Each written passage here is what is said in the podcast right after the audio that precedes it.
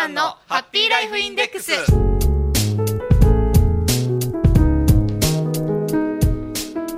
FP かなちゃんマンのハッピーライフインデックス。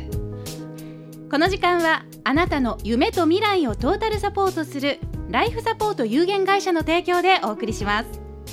私たちと一緒に明るい未来幸せな生活になるためのマネーライフを考えてみませんか？番組ではあなたからの疑問や質問も大募集中です。ぜひお気軽にお寄せくださいね。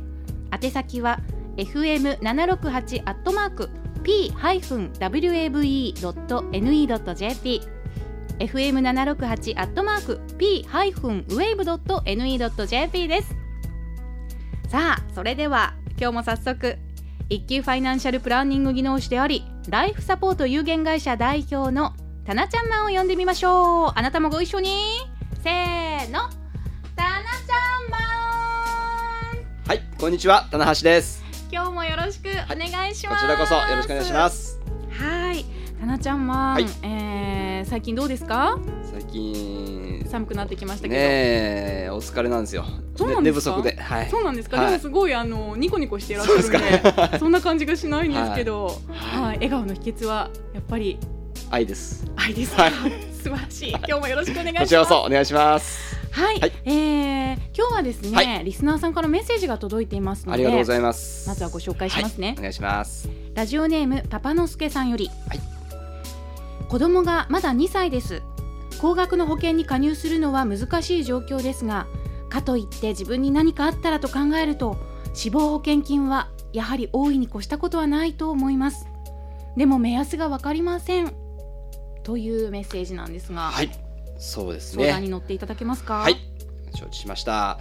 生命保険のね入り方のね、えーご加入の仕方の、えーご質問なんですけれども、はい当然ね、えー保険金額多ければ安心っていうんですかね、まあ、残されたご遺族、えーまあ、パパのすけさんの奥様あるいは子供さんがね、えー生活を守るといった意味では安心なんでしょうけれども、かといって高額な保険に入ってしまいますとね家計の負担が重く,、ね、重くなりますんで、はい。えーその辺のところバランスを取っていく必要がありますよね。はい。じゃあどうやってっていうか、まあ、いくらぐらいがねいくらぐらいの保険金額が、えー適切なのか、えー妥当なのかっていうところなんですけれども、えー毎月の生活費ですね、えー基本生活費って私たちは呼んでおるんですけれども、えーそれがいくらで、えー毎月ね生活されていらっしゃるのかっていうことがまず基本的なところで押さえていかないといけないのかなと思います。はい。はい、で一般的にはですね、えー生命保険金を考えるときにはその生活費、えー毎月々の生活費が、えー世帯主である、えーパパのすけさんにもし毎日のことが起きたときには生活費そのまま必要っていうわけではないんですね。お一人当然、えーまあ言いにくいんですけどもね人数が減るわけですので生活費も若干減りますじゃあどれぐらい減るのかっていうことなんですが、はい一般的にはあ2割減とか3割減とか言われてます。なるほどはい、ですので、えー例えばあ月々の生活費えー30万で生活していらっしゃったらあ21万からあ24万ぐらいですね、はい。の計算で、えーしていけばいいのかなと思います。うんうんうん。でそれがいつまでねその保証として考えた時にはい。必要なのかっていうふうに考えるそうですね。ね。例えばこのおパパのすけさんが30歳でいらっしゃれば、あー定年を迎えるまであるいはあーパパのすけさんが、えー元気でね、えー生存していらっしゃったらあー老齢年金を受け取ることができる65歳までっていうふうに考えるのが一般的なんですけれども、ええ30歳では65歳まで必要だっていうことであれば、はい。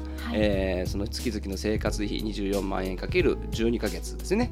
それかける、うー65歳までの35年間というふうに計算します。うんうん。えーそれが、えー必要保証額って言われる金額なんですが、はい。えーそのまままるまるじゃあ生命保険かけなければいけないのかってなりますとすごく高額な保険金になってしまいます。そうですね。今ね。想像するだけでもこの計算が そうですね。はい、はい。大変な金額になるような、はい、で、えー実は、えーパパのすけさんが例えばサラリーマンでいらっしゃる会社員の方で、あるいは、えー公務員の方でいらっしゃれば、はい。えー遺族年金っていうのが国の保障がありますので、はい。えー会社員の方であれば遺族厚生年金遺族基礎年金と遺族厚生年金という、えー両方からのお国の保障がありますし、えー公務員の方でいらっしゃれば遺族基礎年金プラス、えー共済年金ですね。遺族共済年金というのがありますので、手厚い保障がありますので、えーはい。それがいくらあー受け取ることができるのかっていうのをお概算でしか計算できませんけれども、はい。えー計算していただいてそれを差し引いた、えー残った金額が生命保険で準備していただく金額になるというふうになります。るほど。はい。はい。でパパノさんさんがあ自営業者ですね。個人事業主であったりとかあ,、いった場合ですね厚生年金に加入されていらっしゃらない場合っていうのは遺族基礎年金しかありませんので、はい。えーサラリーマンの方あるいは公務員の方よりも若干、えー生命保険に加入する金額が増えてしまうのかなというふうに思いますね。なるほど。はい。はい。普通のあの正社員で会社員の方ですと、はい国からの保証なのでそれはもう一定。金額なんはい、そあでしょうかね。それはあのほあの所得に応じて、えー若干ね遺族基礎年金の方につきましては一定金額あの子どもさんの数に応じて金額が決まるんですけれども、はいえー遺族厚生年金あるいは遺族共済年金につきましては、はいあー所得に応じて、えー金額が変わってきますのでねその辺はちょっとあの試算してみないとわからないというふうになってますね。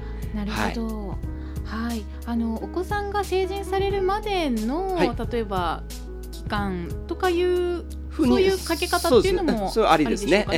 そうですね。最近ではそういう方もいらっしゃいます。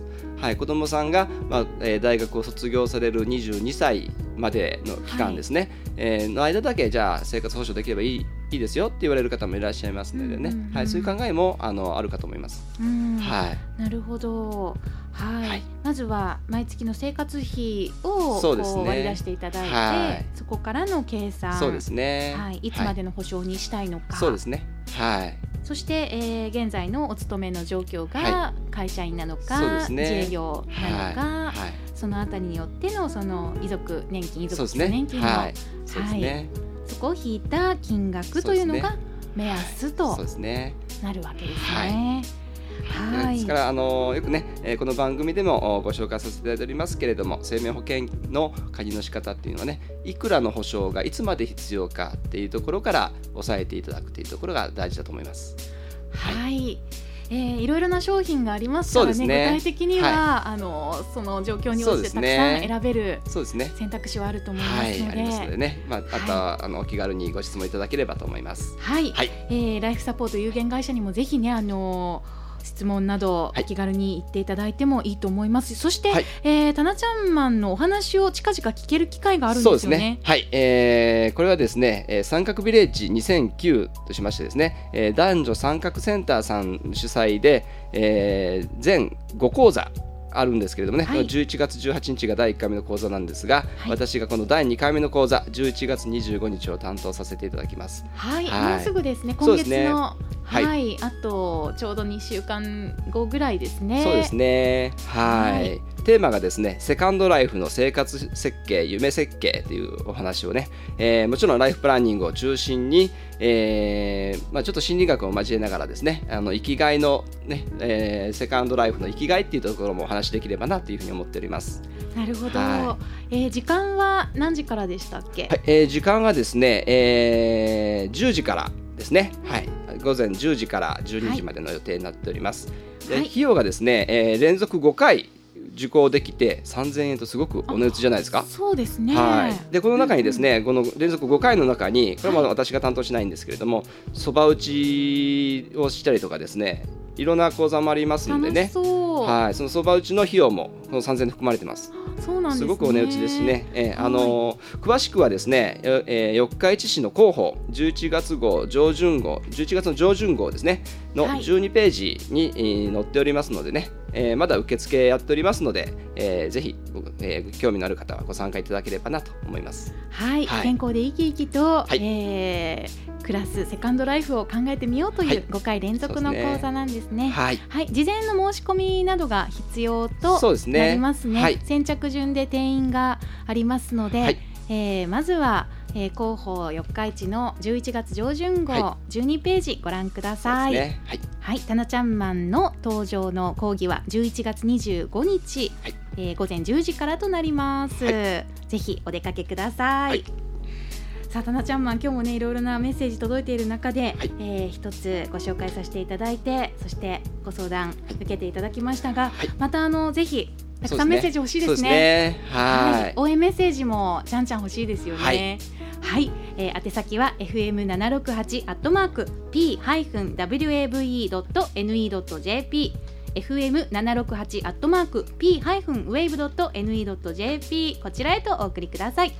そしてライフサポート有限会社のホームページこちらもぜひご覧くださいね、えー過去の放送分も復習でお聞きいただけますよね、はい。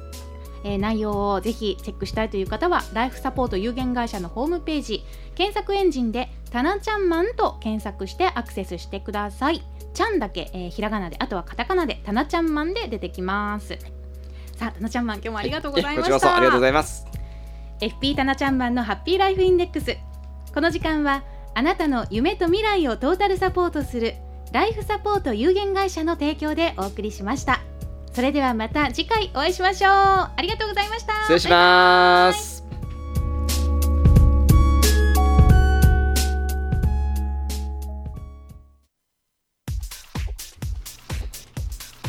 さあお届けしました。FP タナちゃんマンのハッピーライフインデックス。